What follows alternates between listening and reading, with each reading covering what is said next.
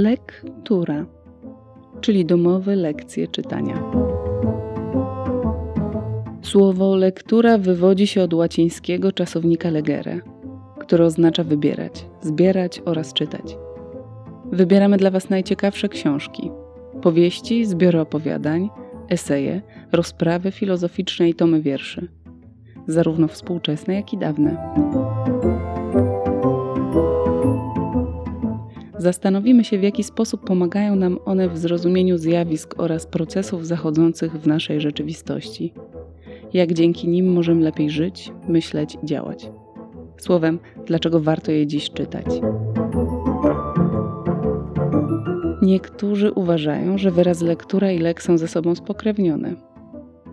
Nawet jeśli tak nie jest, to w naszym przekonaniu lektura może być lekiem na całe zło. Odcinek drugi. Giorgio Agamben. Stan wyjątkowy. Opowiada Grzegorz Jankowicz. Podcast powszechny. Weź, słuchaj. Gdy epidemia koronawirusa zaczęła przybierać we Włoszech na sile, tamtejsze władze wprowadziły liczne ograniczenia, które miały przeciwdziałać nowym zakażeniom. Wiadomo, że nie wszyscy zastosowali się do wytycznych. W prasie drukowanej oraz na forach internetowych błyskawicznie pojawiły się teksty, których autorki i autorzy krytykowali rząd, przekonując, że środki zaradcze są nieadekwatne do sytuacji. Zagrożenie jest bowiem mniejsze niż by się mogło wydawać, w związku z czym narzędzia walki z wirusem winny być lżejsze. Wiemy już, jakie były konsekwencje tej postawy, ale warto zastanowić się nad jej przyczynami. Jednym z protestujących przeciwko wprowadzeniu drakońskich reguł był mieszkający na co dzień w Wenecji filozof Giorgio Agamben. Jego tekst, choć krótki, błyskawicznie obiegł cały świat. Agamben należy do grona najwybitniejszych współczesnych myślicieli politycznych. Każda jego wypowiedź jest traktowana poważnie e, i komentowana nie tylko we Włoszech, ale także w innych krajach. Traktowana poważnie, co jednak nie znaczy, że przyjmowana afirmatywnie. Kilka lat temu, w okresie największej paniki wywołanej światowym kryzysem ekonomicznym, Agamben opublikował prowokacyjny manifest, raptem jedną stroniczkę tekstu, w którym przypomniał koncepcję Imperium Łacińskiego zaproponowaną po II wojnie światowej przez Aleksandra Korzewa, wybitnego rosyjskiego filozofa, jak podejrzewali niektórzy agenta sowieckich służb, który mieszkał i wykładał we Francji. Według Agambena kraje romańskie, czyli przede wszystkim Francja, Hiszpania oraz Włochy, powinny się zjednoczyć i utworzyć formację ponadnarodową, która przeciwstawi się dominującym w Europie politycznym trendom. Chodziło przede wszystkim o przewagę ekonomii nad kulturą i neutralizowanie stylów życia pielęgnowanych przez ludzi zamieszkujących określone terytoria. Agamben chciał powrotu kultury jako fundamentu wspólnoty. Zależało mu również na ochronie wyjątkowej dla kultury romańskiej formy życia, która nie powinna rozpuścić się w europejskim tyglu. Większość komentatorów, także politycznych, na słowa włoskiego filozofa zareagował m.in. ówczesny szef polskiej dyplomacji Radosław Sikorski, uznała jego wywody za nieprzekonujące. Nie zamierzam w tej chwili rekonstruować ani wszystkich pomysłów Agambena, ani argumentów jego przeciwników. Chciałbym zwrócić uwagę na jedną kwestię. Postulowaną przez Agambena obronę formy życia.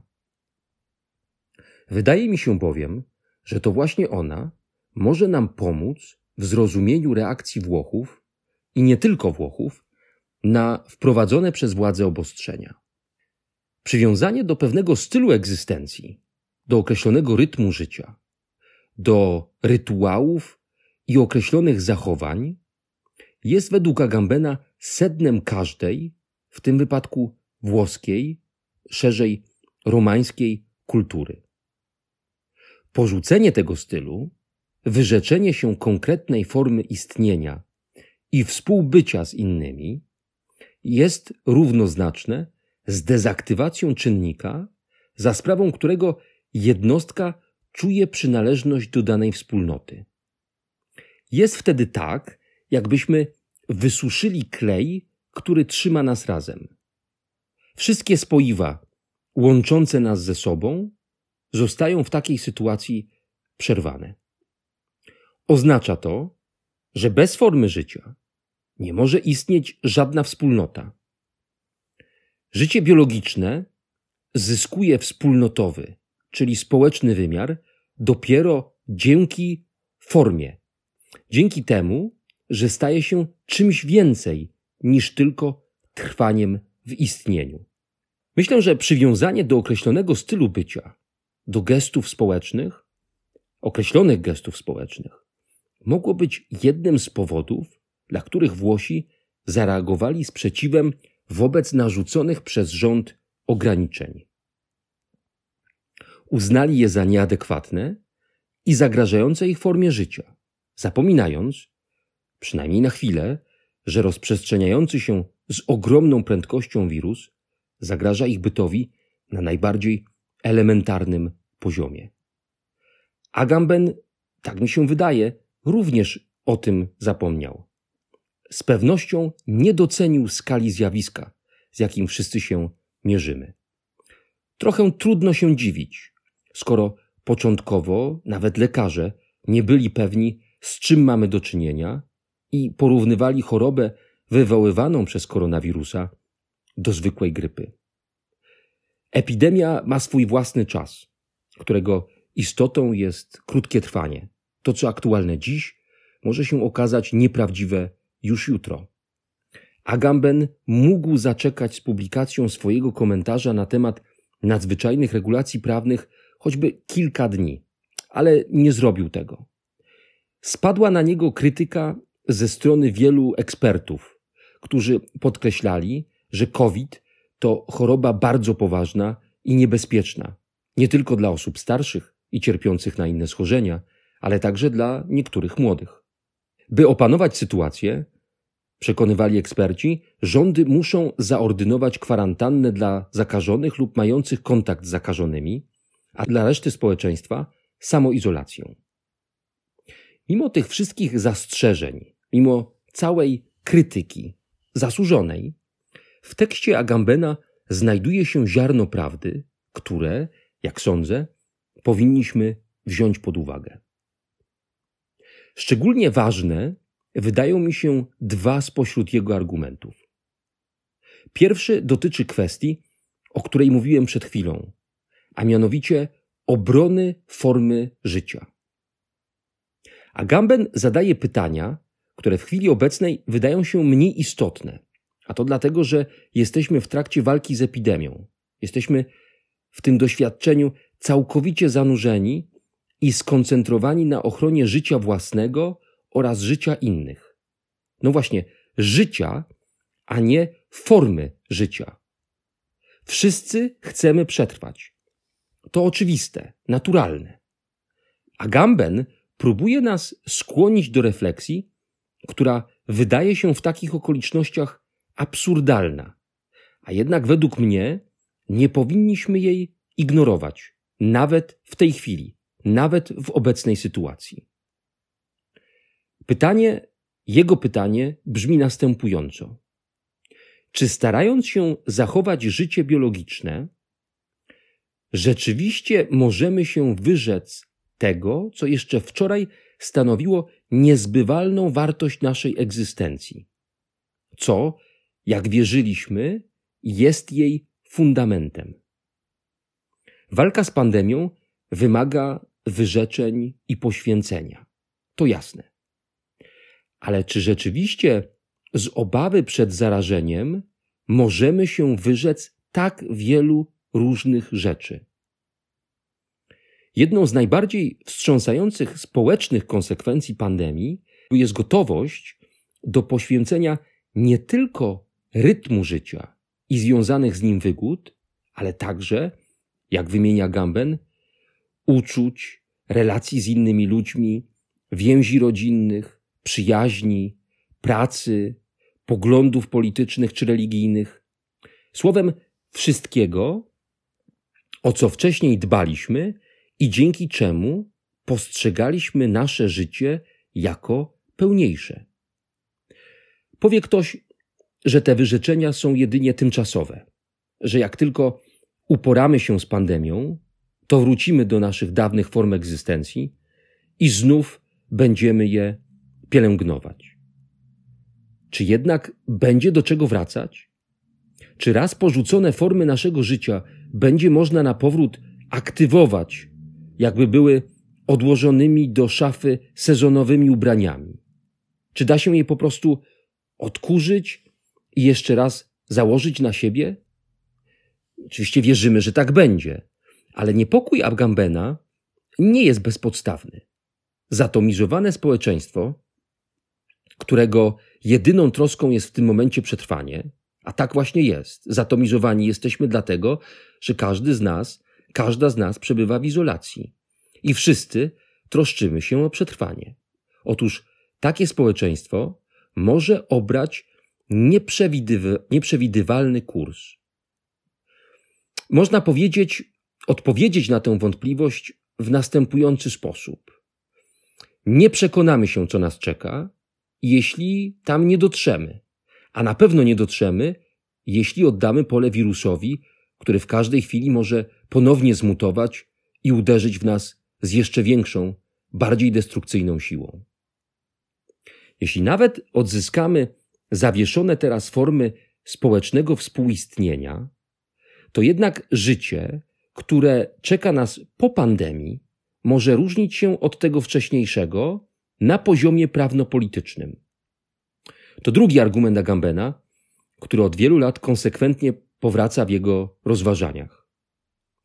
Pandemia to sytuacja wyjątkowa, która zmusza nas do zastosowania nadzwyczajnych środków zaradczych. Dotyczy to wielu sfer naszego życia, przede wszystkim zaś sfery prawno-politycznej. Można powiedzieć, że właśnie od sfery prawno-politycznej zaczynają się wszystkie zmiany. By szybko i skutecznie działać, rząd musi posłużyć się instrumentami, których nie mógłby użyć w normalnej sytuacji. Albo inaczej. Gdyby sięgnął po nie w sytuacji, której nie postrzegamy jako nadzwyczajnej, mielibyśmy poczucie, że została przekroczona pewna granica. Wydawałoby nam się, że rządzący chcą rozszerzyć zakres swojej władzy, by mieć nad nami większą kontrolę, że roszczą sobie pretensje do takiej władzy, jakiej my nie jesteśmy gotowi im dać. Modelem takiej sytuacji jest stan wyjątkowy, o którym Agamben pisał w wielu swoich książkach. Jedną z nich uczynił nawet monografią tego zjawiska. Warto po tę książkę sięgnąć. Nosi ona tytuł Stan wyjątkowy. Jest dostępna po polsku, gdyż zawiera rozważania, które mogą nam pomóc w wyobrażeniu sobie konsekwencji pewnych politycznych działań przyjmowanych obecnie y, niemal bez zastrzeżeń. Książka jest niewielka, e, ma 130 stron, ale zawiera zarówno historię zjawiska nazywanego stanem wyjątkowym, i to od starożytności do XX wieku, jak i jego teoretyczne ujęcie. Najcenniejsze wydaje mi się to, że Agamben w niezwykle klarowny sposób tłumaczy, dlaczego rządzącym może zależeć na wprowadzeniu stanu wyjątkowego i czym taka sytuacja grozi. Powtórzę raz jeszcze. Z dzisiejszej perspektywy, gdy stale przyrasta liczba zarażonych i zmarłych w wyniku zakażenia, gdy wszyscy mierzymy się z epidemią i jej skutkami, zadawanie pewnych pytań wydaje się niedorzeczne. Dominuje bowiem przekonanie, że musimy najpierw zwalczyć zarazę i to wszelkimi środkami. Rozumiem ten sposób myślenia i w dużej mierze go podzielam, jednak uważam, że pewnych kwestii nie możemy odkładać na później. Czym jest stan wyjątkowy? To instrument prawno-polityczny, po który w nadzwyczajnych okolicznościach mogą sięgnąć władze danego państwa, wprowadzając na krótszy bądź dłuższy okres czasu specjalne regulacje ograniczające swobody obywatelskie. Zazwyczaj obowiązujące na danym terytorium prawo realizowane jest w określony sposób. Mamy normy prawne, instytucje, które dbają o ich przestrzeganie, jeszcze inne instytucje, które każą za łamanie tych norm. Fundamentem takiego porządku są właśnie normy, które muszą być respektowane. W stanie wyjątkowym prawo to obowiązujące, to wcześniej ustanowione, zostaje zawieszone, a na jego miejsce pojawiają się dekrety, które posiadają moc ustawy.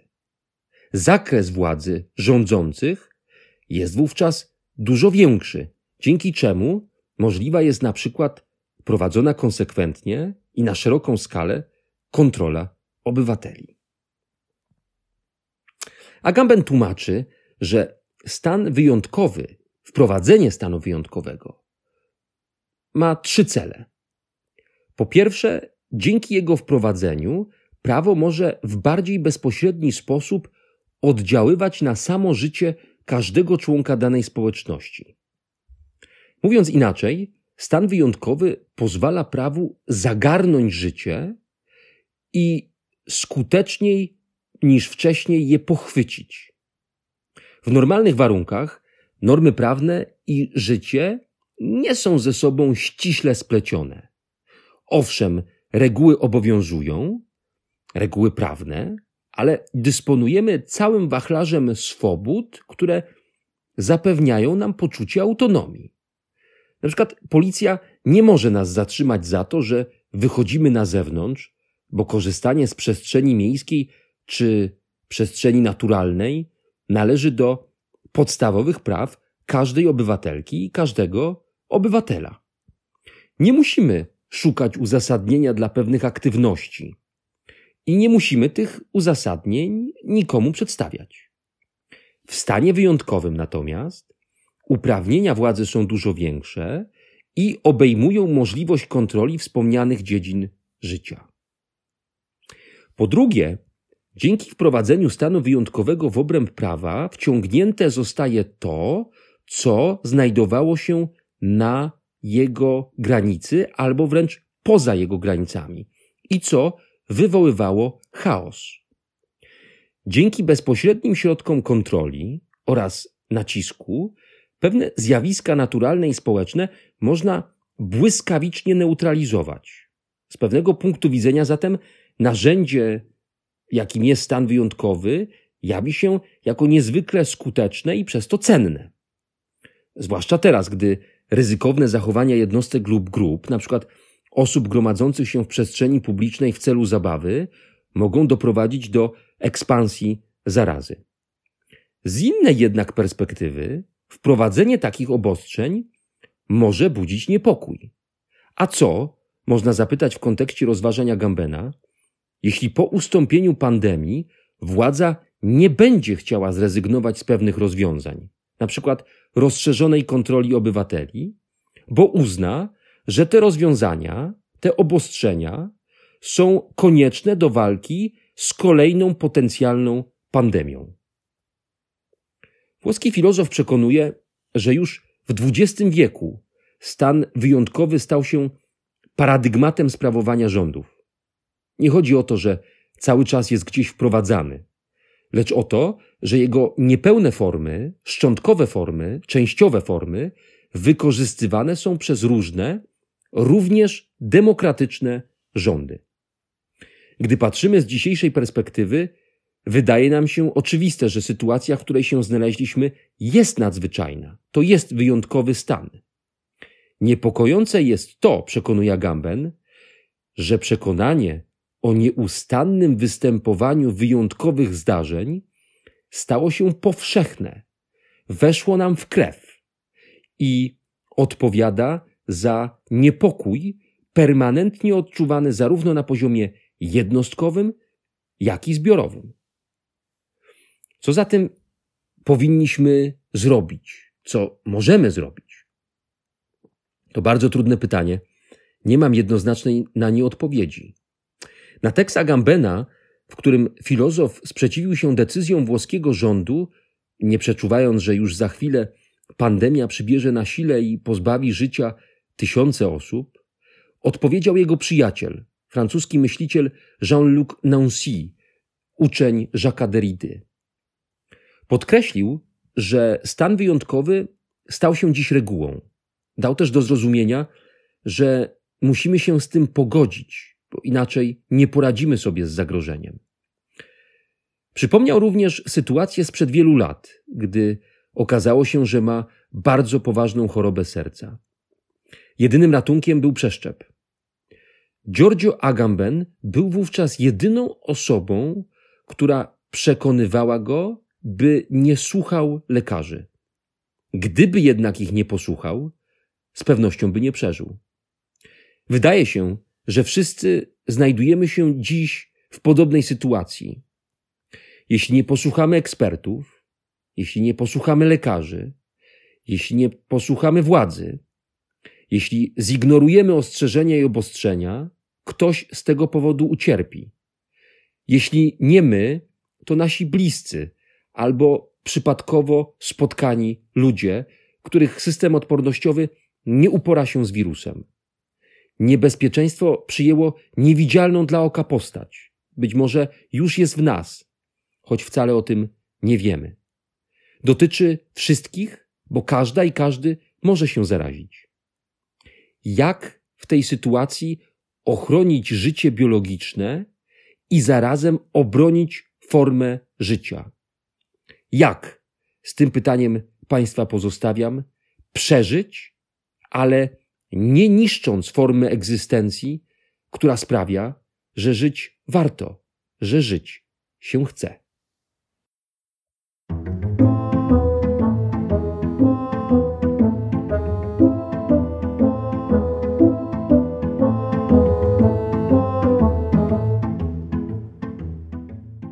Weź, słuchaj, czyli podcast powszechny. Muzyka Aleksander Nakarada, Lurking Slot. Film Music IO. Jeśli słuchają nas Państwo w Spotify albo w Apple Podcast, zasubskrybujcie nasz kanał. Jesteśmy też w Google Podcast i w aplikacji Lekton oraz na www.tygodnikpowszechny.pl/podcast.